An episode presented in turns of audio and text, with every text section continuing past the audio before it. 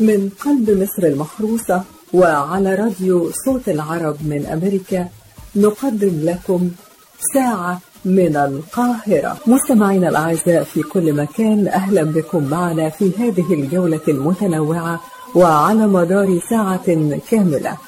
من مصر المحروسة نبعث إليكم بأرق وأجمل الأمنيات. ونتمنى أن تسعدوا معنا خلال هذه الساعة مع كل ما نقدمه لكم من فقرات ولقاءات وأغنيات. أهلا بكم أصدقائنا المستمعين في كل أنحاء العالم خلال هذه الساعة التي نقدمها من مصر المحروسة. نتمنى فقرتنا النهاردة تنال إعجابكم. ونحب ننوه في البداية إن إحنا هنكون معاكم كل يوم اثنين وخميس من الساعة الخامسة للساعة السادسة مساء بتوقيت الساحل الشرقي للولايات المتحدة. سيداتي وسادتي أهلا بكم معنا في هذه الفقرة الإخبارية التي نقدمها لكم من القاهرة. يقرأها عليكم محمد عمر وفرح الأعصر كبار مسؤولي الأمم المتحدة المنحدرين من أصل إفريقي يدعون إلى فعل المزيد للقضاء على العنصرية. فقد وقع 22 وكيلا من وكلاء الأمين العام للأمم المتحدة وكبار القادة في المنظمة الذين يعملون مباشرة تحت قيادة الأمين العام أنطونيو غوتريش من الأفارقة أو الذين ينحدرون من أصل إفريقي على بيان شخصي شديد اللهجة. معربين عن غضبهم. من العنصرية المنتشرة والمنهجية. ومسلطين الضوء على الحاجة إلى تجاوز مجرد إدانة العنصرية وفعل المزيد للقضاء عليها. الصحة العالمية. تجارب عالمية 35 لقاحا محتملا لكورونا. وعشرة في المراحل النهائية. فقد كشف مدير منظمة الصحة العالمية في أوروبا أن هناك 135 مرشحا محتملا للقاح فيروس كورونا كوفيد 19 عشرة منهم في التجارب السريرية النهائية على البشر موضحا أن الأمر قد يستغرق وقتا قبل أن يصبح اللقاح جاهزا وأضاف أن الوقت لا يزال مبكرا لكن يجب التأكد على ضرورة التأكد من الفاعلية والأمان. نحن متفائلون وهناك الكثير من الجهد ولكن حتى تلك اللحظة لننفذ الإجراءات الوقائية لمنع انتشار الفيروس. عدد الإصابات بفيروس كورونا المستجد في العالم يقترب من 8 مليون حالة. في وقت وصل عدد الوفيات إلى 435,666 فيما بلغ عدد المتعافين نحو 4 ملايين و130 ألف شخص. فرنسا. أسوأ مراحل كورونا انتهت لكن الفيروس مستمر بالانتشار. وأكد وزير الصحة الفرنسي اليوم الاثنين أن أسوأ مرحلة من وباء فيروس كورونا قد انتهت بالفعل في فرنسا لكن لا يزال يتعين توخي الحذر لأن الفيروس لا يزال يواصل الانتشار. وأضاف وزير الصحة الجزء الأكبر من الوباء انقضى لكن الفيروس لم يمت لم نهزمه بالكامل لكننا نسيطر على انتشاره نواصل إجراء الفحوص. أوروبا تبدأ فعليا في إعادة فتح الحدود ودخل قرار الدول الأوروبية بتخفيف بعض قيود السفر التي فرضتها على الحدود لمكافحة فيروس كورونا حيز التنفيذ الاثنين مع الإبقاء على بعض الإجراءات الاحترازية. إلا أن استمرار إجراءات العزل العام في إسبانيا ومجموعة من القيود في أماكن أخرى واعتماد أساليب جديدة في العمل تعني أن عودة السفر إلى مستويات ما قبل الجائحة لا يزال أمرا بعيد المنال. إلغاء تحذيرات السفر لدول أوروبا وطالب قطاع السياحة في ألمانيا بإلغاء سريع لتحذيرات السفر بالنسبة للدول خارج الاتحاد الأوروبي. وبحسب تقديرات الاتحاد الألماني للشركات السياحية فإن القيود التي فرضت على السفر والحياة العامة بسبب كورونا تكبد شركات السياحة والسفر خسائر بقيمة 20 مليار يورو خلال الفترة من منتصف مارس حتى نهاية أغسطس المقبل. كما أن تمديد التحذير من السفر لدول خارج الاتحاد الأوروبي والتي من بينها مقاصد صيفية محببة للألمان مثل تركيا وتونس ومصر يعني خسائر في الإيرادات بقيمة 9 مليارات يورو خلال يوليو وأغسطس وحدهما. سلاح الجو الأمريكي يعلن تحطم مقاتلة F-15 أثناء التدريب في بريطانيا حيث أعلن سلاح الجو الأمريكي تحطم مقاتلة F-15 أثناء مهمة تدريبية في بحر الشمال ببريطانيا. ونقلت صحيفة صن البريطانية عن بيان للقوات الأمريكية يفيد بتحطم طائرة مقاتلة في بحر الشمال قبالة سواحل شمال شرق إنجلترا. ولم يعرف مصير الطيار وسبب تحطم الطائرة. وبحسب الصحيفة فإن الطائرة كانت في مهمة تدريب روتينية روتينية وعلى متنها طيار ولا تزال عمليات الإنقاذ والبحث جارية عن الطيار.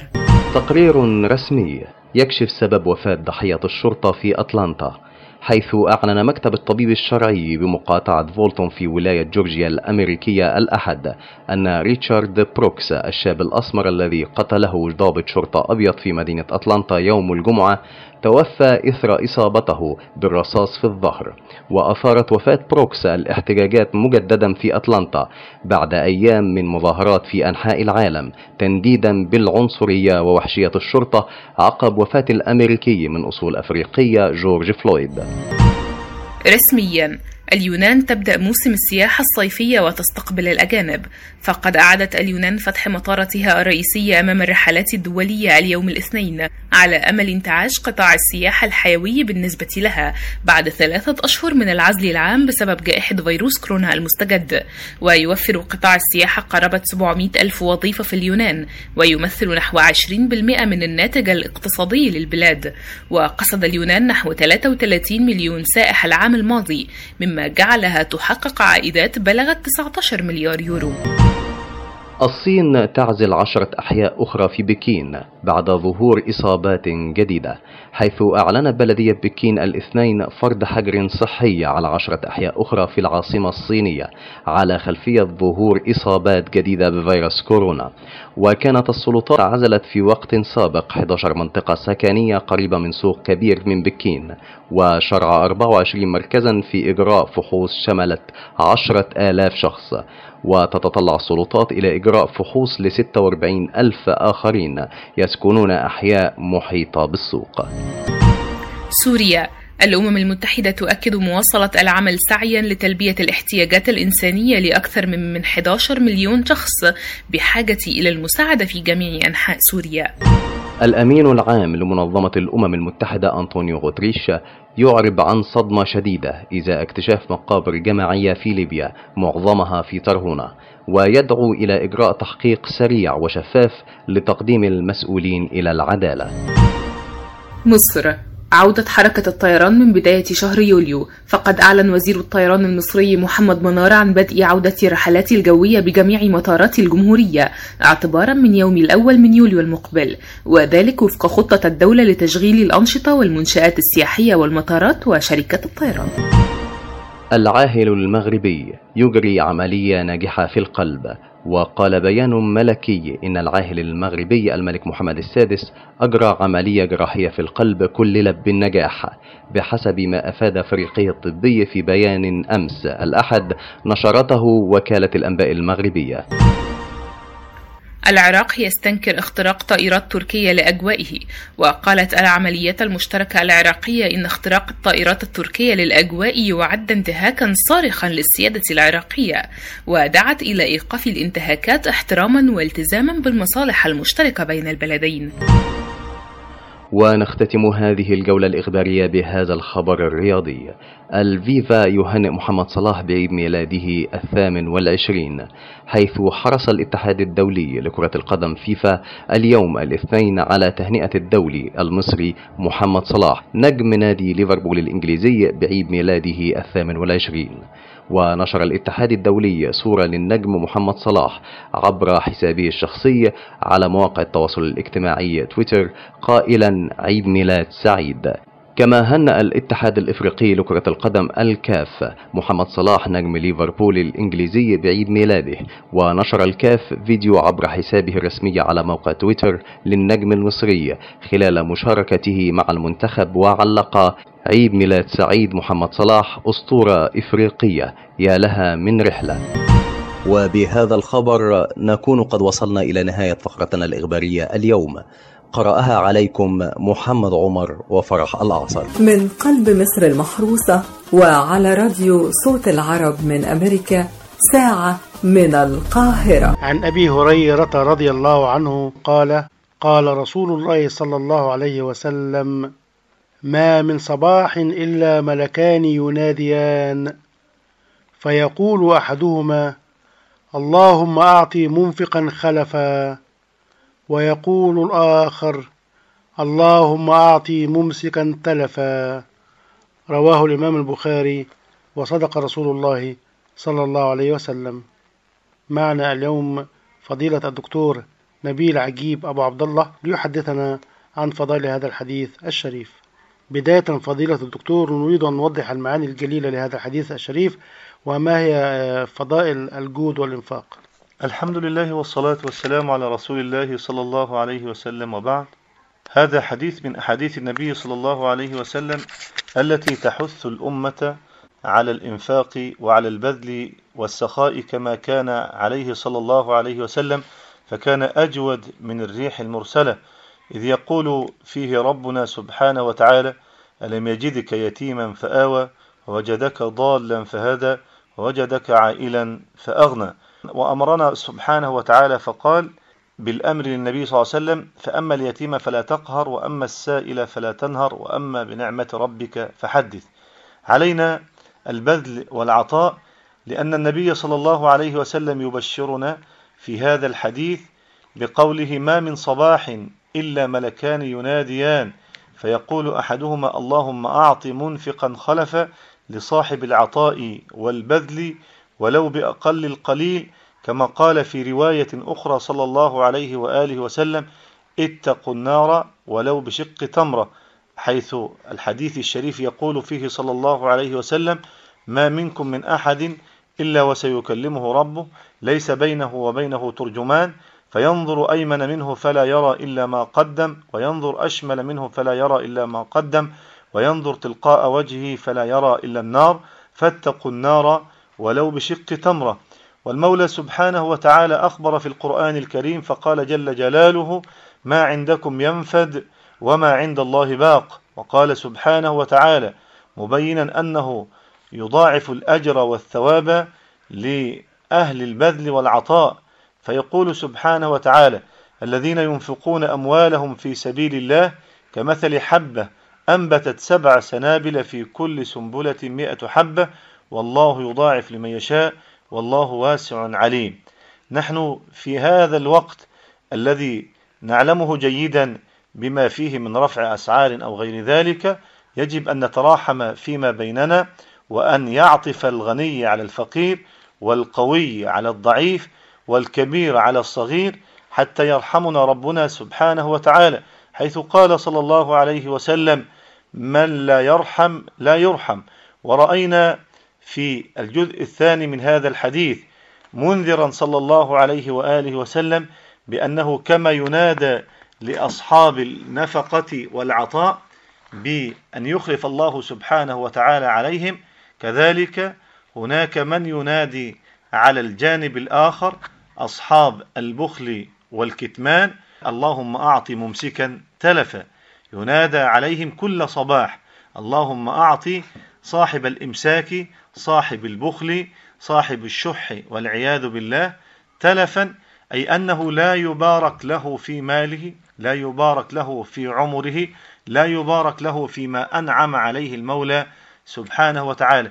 كذلك يجب علينا حينما ننفق أن ننفق بسخاء وأن ننفق ابتغاء مرضات الله سبحانه وتعالى لأن أهل الرياء كذلك تتلف أو لا يأخذون شيئا مما أنفقوا ويكون ما أنفقوا حسرة عليهم يوم القيامة ويقذفون في النار. ولذلك في هذا الحديث الشريف يحثنا صلى الله عليه وآله وسلم على الجود والكرم وعلى البذل والعطاء وعلى أن نكون معا وأن نكون على قلب رجل واحد. ففي حديث آخر يقول فيه صلى الله عليه وسلم مثل المؤمنين في توادهم وتراحمهم وتعاطفهم كمثل الجسد الواحد إذا اشتكى منه عضو تداعى له سائر الجسد بالسهر والحمى. ما أحوجنا جميعا أن نتعاطف وأن نتراحم فيما بيننا في كل صباح ينادى على هؤلاء أصحاب البذل والعطاء. اللهم أعط منفقا خلفا أي أن الله يبارك لك فيما أنفقت ويزيد لك في مالك بفضل الله سبحانه وتعالى. ما عندكم ينفد وما عند الله باق. أسأل الله أن يعين الجميع على الجود والكرم والبذل والعطاء والتأسي بصاحب البذل والعطاء صلى الله عليه وسلم الذي كان أجود من الريح المرسلة. أسأل الله أن يهدينا جميعا للبذل والعطاء وأن يتقبل منا أعمالنا. وصل اللهم على نبينا محمد صلى الله عليه وسلم. في نهاية هذا اللقاء نشكر فضيلة الدكتور نبيل عجيب أبو عبد الله وسلام الله عليكم ورحمته وبركاته. من قلب مصر المحروسة وعلى راديو صوت العرب من أمريكا ساعة من القاهرة. يا مساء السعادة أعزائي المستمعين أهلا بكم معنا وفقرة حكايات. حكاياتنا حكايات مفيدة. حكايات خفيفة حكايات لطيفة. استنوني مع أول حكاية ولكن بعد الفاصل. كان يا مكان يا سعد يا إكرام في سالف الزمان كان في إحدى المدن الكبيرة مجموعة متعددة من أهل العلم الأتقياء الذين يحملون اسم العلوم على اختلاف أشكالها وأنواعها.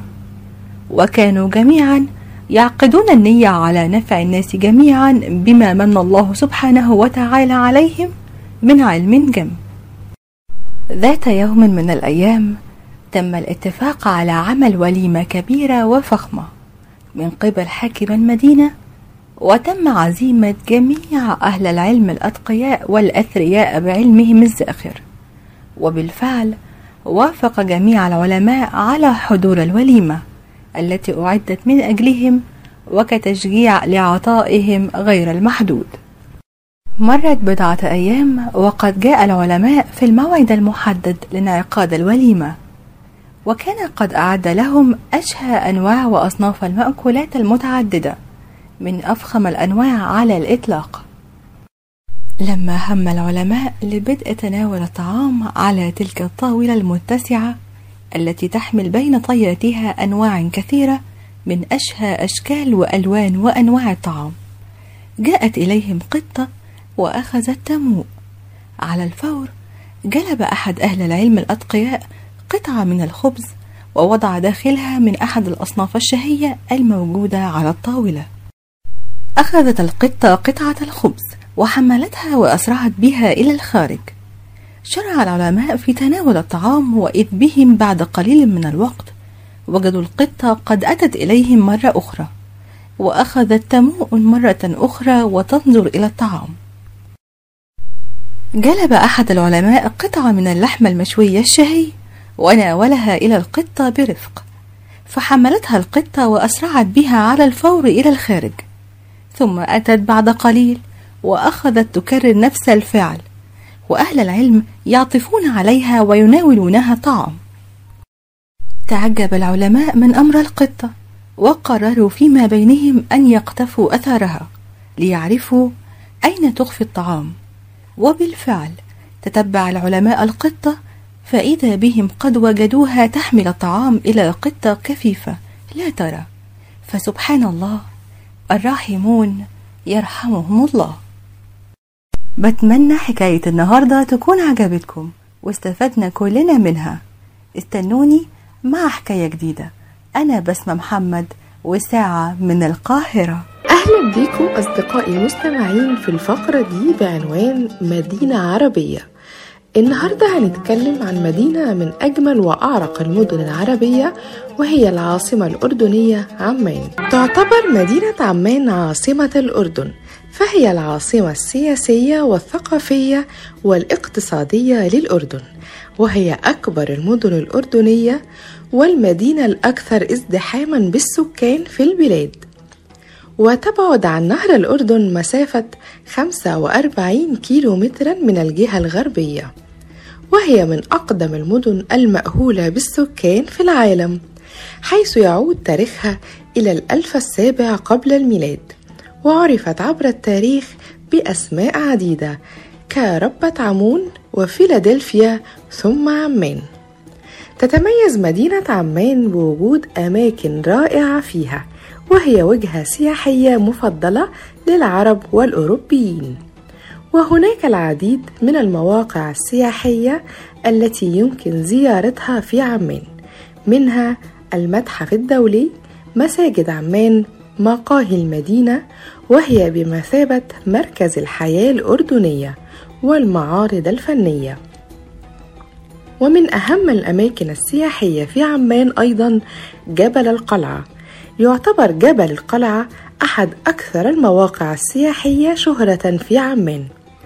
ويحتوي على العديد من المواقع والمعالم التاريخية والتي تشمل القصر الأموي والكنيسة البيزنطية والمتحف الأثري الوطني. المسرح الروماني. تشتهر مدينة عمان بوجود المسرح الروماني فيها اللي تم بناؤه في عهد الإمبراطورية الرومانية. ويمكن أن يستوعب المسرح ما يقارب 6000 شخص. وتمت إعادة بناؤه مؤخرا لغرض استضافة العروض في الصيف. جبل عمان. تشتهر منطقة جبل عمان بمبانيها التاريخية وآثارها وأعمالها الهندسية والمعمارية والتي تعود إلى أوائل القرن العشرين. أما اليوم فهي تشمل العديد من الأسواق والمتاحف والمقاهي والمحلات التجارية الصغيرة الجميلة. أما تاريخ عمان فيعود إلى أيام كانت عمان عاصمة للعمونيين في القرن الثالث عشر قبل الميلاد. الذين سكنوها وحصنوا المدينة وبنوا فيها الأبراج لأهداف عسكرية زي برج المنصور وبرج الملفوف وكانت تعرف باسم ربة عمون وكانت حلقة الوصل بين جزر المتوسط والشرق الأقصى. ثم تم تغيير الاسم إلى فيلادلفيا على يد الحاكم المقدوني بطليموس الثاني فيلادلفيوس وذلك بعد أن أسس مملكة البطالمة في عمان بعد استيلائه على المدينة وتم صبغها بالصبغة اليونانية. وفي الفترة من 636 ل 663 ميلاديا استولى عليها الرومان فبنوا فيها أسوار ومدرجات. ولأنها كانت مقر الكرسي المسيحي بنى فيها الكثير من الكنائس. ثم تم تغيير الاسم مرة أخرى إلى عمان. عندما استولت جيوش المسلمين عليها فسموها بعمان. وفي عام 1921 ميلاديا قام الملك عبد الله الأول بإعلان عمان كعاصمة لإمارة شرق الأردن. بنى فيها الأمويون العديد من القصور وأصبحت مركزا إداريا يقيم بها الأمير. وتصك فيها النقود كما تحمي حامياتها القوافل التجارية وطرق الحج. وفي العصر العباسي دمرت أسوارها وحصونها لتحصن العباسيين فيها بعد ثورة الأمويين. في عهد مأمون الرشيد وفي عهد الفاطميين حولت إلى مركز لتجمع القوات كما ازدهرت أسواقها في فترة الحج إلا أنها دخلت سجل النسيان في عهد المماليك. في سنة 1832 ميلاديا عاد لها مجدها في عهد العثمانيين. إذ مرت بها سكة حديد الحجاز مما ساهم في نهضتها وكان ذلك زمن السلطان عبد الحميد الثاني. ويعد القسم الغربي من المدينة أكثر حداثة حيث يتم فيه أداء المعاملات والمشاريع التجارية الدولية. كما تحتوي المدينة على المباني الحكومية المهمة كالبرلمان الأردني وقصر العدل الذي يعد بمثابة المحكمة العليا في الأردن ومنزل رئيس وزراء الأردن أيضا. أما عن الأنشطة الثقافية في مدينة عمان فتعرض مدينة عمان ثقافتها وتقاليدها من خلال إقامة المعارض والمهرجانات الدولية منها مهرجان صيف عمان. يقام هذا المهرجان في شهر يوليو وهو عبارة عن حدث ثقافي تعرض من خلاله الثقافة الشعبية للبلاد ويتمثل في عروض للموسيقيين والفنانين الشعبيين من جميع أرجاء الأردن.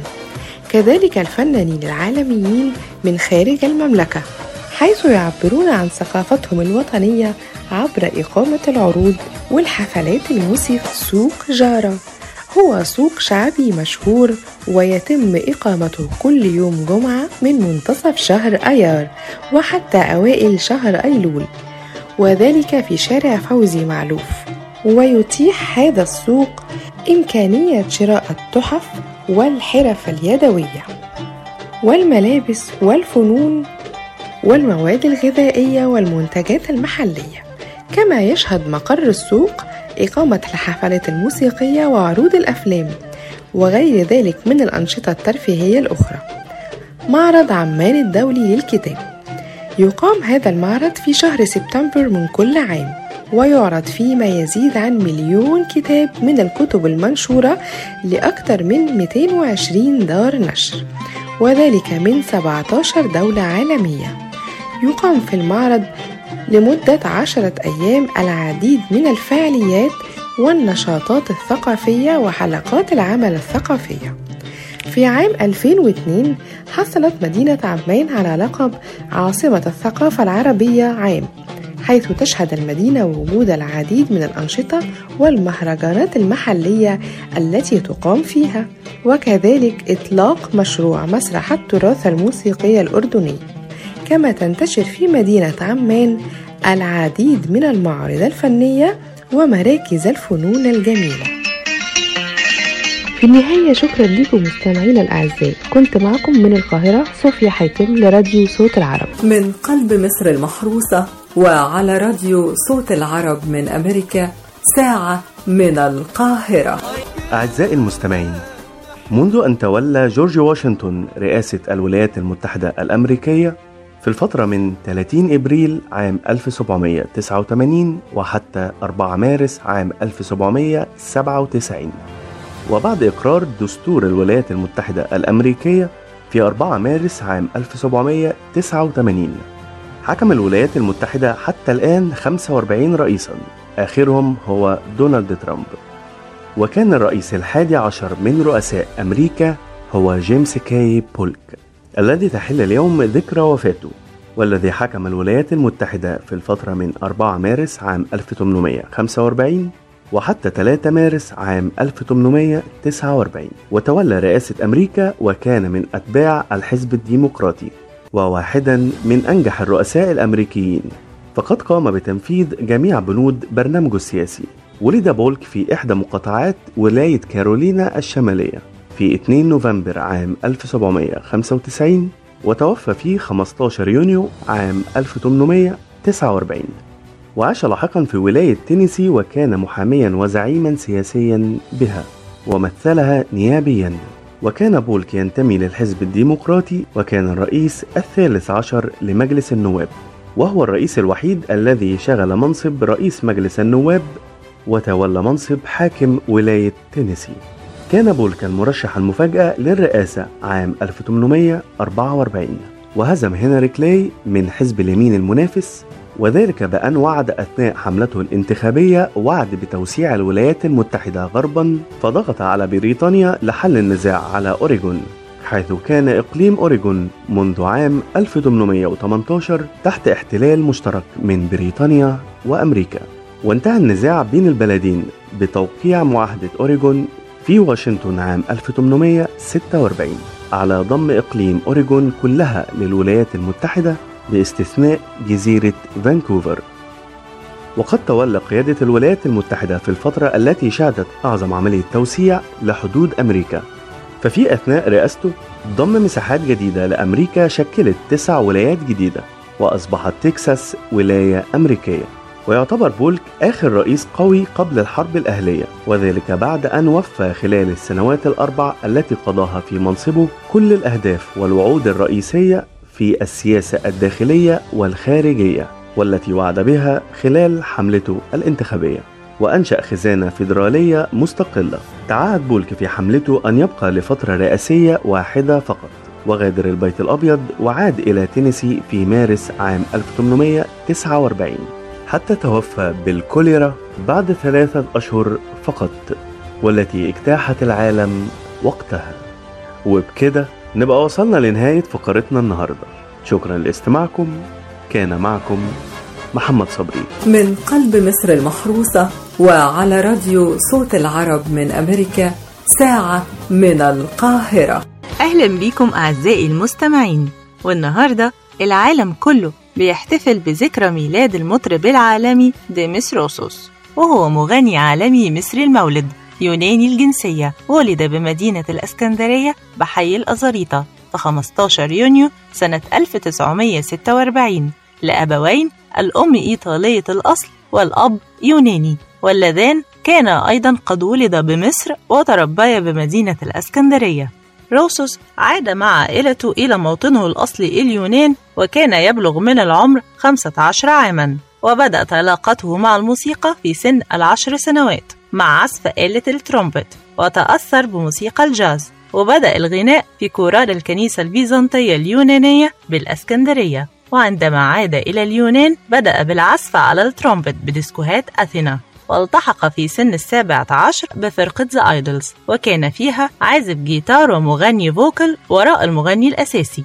بدأت شهرته عند مرض المطرب الأساسي بالفرقة وقام هو بالغناء بدلا منه وفوجئ الجمهور بصوته وأدائه المتميز حتى ذاع صيته والتقى بعدها الملحن لاكس فالفيانوس الذي طلب منه تأسيس فرقته الغنائية ويتولى هو الغناء كمطرب أساسي للفرقة ومن خلالها كون فرقته الأولى We Five التي أثارت ضجة كبيرة. أسس ديمس روسوس فرقته الثانية تحت اسم Aphrodite's Child التي وصلت فرنسا أثناء ثورة مايو سنة 1968 ثم قاموا بتسجيل أغنياتهم وبدأت شهرته تنتشر خارج حدود اليونان لأوروبا والعالم كله. غنى ديمس روسوس أغاني رومانسية من طراز فريد ومن أهم أغانيه Forever and Ever My Friend the Wind و Goodbye My Love. والأغنية الأكثر انتشارا Away وغيرهم كتير من أجمل الأغاني الرومانسية. في عام 1975 زار ديمس مصر لأول مرة بعد مغادرته لها وهو صغير وشارك في حفل استعراضي في نادي الجزيرة بالقاهرة. وكانت الزيارة الثانية في أواخر التسعينات وقام بالغناء بدار الأوبرا. وفي 25 يناير سنة 2015 رحل ديمس روسوس عن عالمنا عن عمر 68 سنة. تارك لنا تاريخ كبير من أجمل الأغاني الرومانسية اللي هتفضل عايشة معانا ومكملة. أتمنى تكون فقرتنا النهاردة عجبتكم. كانت معاكم ضاء حسن. من قلب مصر المحروسة وعلى راديو صوت العرب من أمريكا ساعة من القاهرة. مو صلاح مو صلاح the Egyptian King هكذا كانت جماهير ليفربول الكبيرة ترج أنحاء ملعب الأنفيلد. بالغناء لنجم الكرة العالمي محمد صلاح كلما أحرز هدفا من أهدافه الجميلة لصالح فريقه ليفربول قبل أن يأتي فيروس كورونا ليوقف هتافات الجماهير العريضة بشكل مؤقت. نجم فريق ليفربول الإنجليزي النجم محمد صلاح الفرعون المصري أو فخر العرب كما يطلق عليه يحتفل اليوم بعيد ميلاده الثامن والعشرين بعد أن خلد اسمه بحروف من ذهب في ملاعب كرة القدم الأوروبية بعدما نجح أن يكون ضمن أفضل نجوم العالم مع رونالدو وميسي والتنافس معهم على حصد الجوائز الفردية. نجح محمد صلاح صاحب ال 28 عام في تغيير مفهوم الأندية الأوروبية تجاه طبيعة اللاعب المصري بعدما أظهر التزاما كبيرا واحترافية عالية منذ بداية مشوار الاحترافي في أوروبا خلال موسم 2012-2013 محمد صلاح نجم منتخب مصر وليفربول الإنجليزي. اسمه بالكامل محمد صلاح حامد محروز غالي من مواليد 15 يونيو 1992 بمدينة نجريج التابعة لمدينة بسيون في محافظة الغربية إحدى محافظات دلتا مصر. وحصد النجم المصري محمد صلاح مهاجم فريق ليفربول الإنجليزي العديد من الجوائز الفردية الكبرى في أوروبا والعالم بعد المستويات الرائعة التي قدمها في مسيرته الاحترافية بملاعب القارة العجوز خلال السنوات الأخيرة مع الأندية التي لعب بقميصها وأبرزها ليفربول وروما وفيرونتينا الإيطاليين. بدأ محمد صلاح مسيرته في صفوف الناشئين في نادي المقاولون العرب في مصر حتى تم تصعيده إلى الفريق الأول ثم اتجه للاحتراف في أوروبا وانضم لنادي بازل السويسري وتشيلسي الإنجليزي وفيرونتينا وروما الإيطاليين إلى ناديه الحالي ليفربول الإنجليزي. انضم محمد صلاح لصفوف فريق بازل السويسري في يونيو 2012 بعقد لمدة أربع سنوات سجل الفرعون المصري هدفه الأول خلال مسيرته الاحترافية في شباك لوزان بالأسبوع الثاني من الدوري السويسري وخاض في مشواره مع بازل 79 مباراة سجل فيها 20 هدف ونجح في التتويج بلقب الدوري السويسري مرتين. وفي يناير 2014 وقع محمد صلاح لفريق تشيلسي بقيمة وصلت ل 11 مليون استرليني وشارك صلاح بقميص البلوز في 19 مباراة مع الفريق اللندني وسجل هدفين فقط. رحل صلاح سريعا عن تشيلسي وبالتحديد في انتقالات شتاء 2015 على سبيل الإعارة إلى فريق فيرونتينا الإيطالي ونجح الفرعون المصري في قيادة الفريق لدور الستاشر من الدوري الأوروبي بعد تخطي توتنهام كما وصل مع الفريق إلى نصف نهائي كأس إيطاليا أمام يوفنتوس وخاض 26 مباراة سجل خلالهم تسع أهداف. وفي الموسم التالي رحل محمد صلاح إلى روما على سبيل الإعارة مع خيار الشراء مقابل 15 مليون يورو وخاض في موسمه الأول مع الذئاب 42 مباراة في جميع المسابقات وسجل 15 هدف. وفي الموسم التالي حول روما إعارة النجم المصري إلى انتقال نهائي وخاض خلال موسم 2016-2017 مع الفريق 41 مباراة أحرز 19 هدف. وفي 2017 انضم لنادي ليفربول بصفقة بلغت 42 مليون يورو. بالإضافة إلى 8 مليون يورو كحوافز ليصبح حينها أغلى لاعب عربي وإفريقي عبر التاريخ وثاني أغلى لاعب في تاريخ النادي وتعد خطوة الانضمام إلى صفوف الريدز الأهم في مشوار محمد صلاح بعد نجاحه في الحصول على لقب هداف الدوري الإنجليزي برصيد 32 هدف كما توج بجائزة أفضل لاعب في ال Premier League. وحقق معهم موسما قويا للغاية حيث تم اختياره ثلاث مرات كلاعب الشهر في الدوري الإنجليزي ونجح في تسجيل 44 هدف خلال موسم واحد ليصبح أكبر هداف الفريق من حيث عدد الأهداف في موسم واحد. وفي موسمه الثاني مع الفريق نجح صلاح أيضا في تقديم مستوى متميز من خلال تسجيل 27 هدف وصناعة 10 أهداف والمساهمة في تتويج الفريق بدوري أبطال أوروبا. خاض محمد صلاح 144 مباراة حتى الآن بقميص ليفربول في جميع المسابقات. سجل 91 هدف وتوج مع ريدز بلقب دوري أبطال أوروبا السوبر الأوروبي وأخيرا كأس العالم للأندية. وتوج الفرعون المصري في عام 2018 بجائزة أفضل لاعب في إنجلترا. من جانب رابطة اللاعبين المحترفين ليصبح أول لاعب مصري في التاريخ يحقق هذا الإنجاز متفوقا على العديد من النجوم وهم هاري كين لاعب توتنهام وديفيد ديخيا حارس مرمى مانشستر يونايتد وثلاثي مانشستر سيتي كيفن دي بروين وديفيد سيلفا وساني يعد أحد أبرز اللاعبين العرب والأفارقة حيث حصد العديد من الجوائز أبرزها جائزة أفضل لاعب في إنجلترا 2018 وجائزة أفضل هدف في الموسم 2018 وجائزة الاتحاد الأفريقي لأفضل لاعب في أفريقيا لعامي 2017 و2018 وجائزة أفضل لاعب إفريقي بواسطة البي بي سي لعامي 2017 و2018 وأفضل لاعب في الدوري الإنجليزي لعام 2018 وجائزة الحذاء الذهبي في الدوري الإنجليزي عامي 2018 2019 كما تم اختياره من قبل مجلة تايم الأمريكية في عام 2019 ضمن أكثر 100 شخصية تأثيرا في العالم.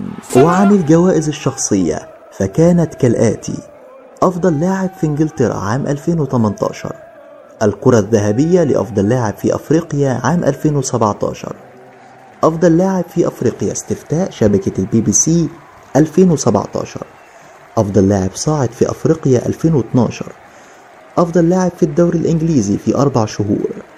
لاعب في تشكيلة العام بقارة أفريقيا عامي 2016-2017 أفضل لاعب في سويسرا عام 2013 أفضل لاعب في روما موسم 2015-2016 وعن الأرقام المميزة أكثر لاعب سجل أهداف في موسم واحد بالدوري الإنجليزي. أكثر لاعب إفريقي سجل في تاريخ الدوري الإنجليزي في موسم واحد. أكثر لاعب حصل على جائزة لاعب الشهر ثلاث مرات في موسم واحد. أكثر لاعب يسجل مع ليفربول بدوري أبطال أوروبا. أكثر لاعب عربي يسجل في دوري أبطال أوروبا. والآن ومع اقتراب عودة مباريات الدوري الإنجليزي الممتاز يقترب اللاعب المصري الشهير من التتويج بلقب مميز من شأنه أن ينقله إلى مستوى أرفع وخاصة أنه سيكون أول مصري يرفع درع الدوري الممتاز في إنجلترا. ويأتي محمد صلاح نجم ليفربول الإنجليزي في المركز الرابع من حيث الأعلى حصولا على الأجر المالي من بين جميع لاعبي العالم بحسب مجلة فوربس الأمريكية. وفي ختام هذه الفقرة نقدم بكل الحب والتقدير باقة ورد إلى أسطورة الكرة المصرية النجم العالمي محمد صلاح بمناسبة عيد ميلاده ونقول له كل سنة وأنت طيب يا أبو مكة هي فخر مصر والعرب. كنت أنا معكم أحمد السيد في الفقرة الرياضية من ساعة من القاهرة. وفي نهاية الحلقة شكرا لكم مستمعينا الأعزاء. نرجو أن نكون قد أسعدناكم خلال هذه الساعة. انتظرونا في الحلقة القادمة بإذن الله وموضوعات جديدة دائما. ولكم تحيات أسرة فريق ساعة من القاهرة على راديو صوت العرب من أمريكا. شارك في هذه الحلقة من أسرة البرنامج. محمد عمر فرح الأعصر صوفيا حاتم دعاء حسن بسمة محمد أحمد السيد ومحمد صبري. وبكده نكون وصلنا بيكم إلى نهاية فقرتنا ورحلتنا النهاردة وعلى أمل أن يتجدد اللقاء معكم في حلقة قادمة ورحلة جديدة بإذن الله. ومن هنا من قلب القاهرة نرسل لكم بأرق أمنياتنا الطيبة بقضاء أجمل الأوقات. وهذه أرق تحياتي. كان معكم من القاهرة مجدي فكري. من قلب مصر المحروسة وعلى راديو صوت العرب من أمريكا ساعة من القاهرة.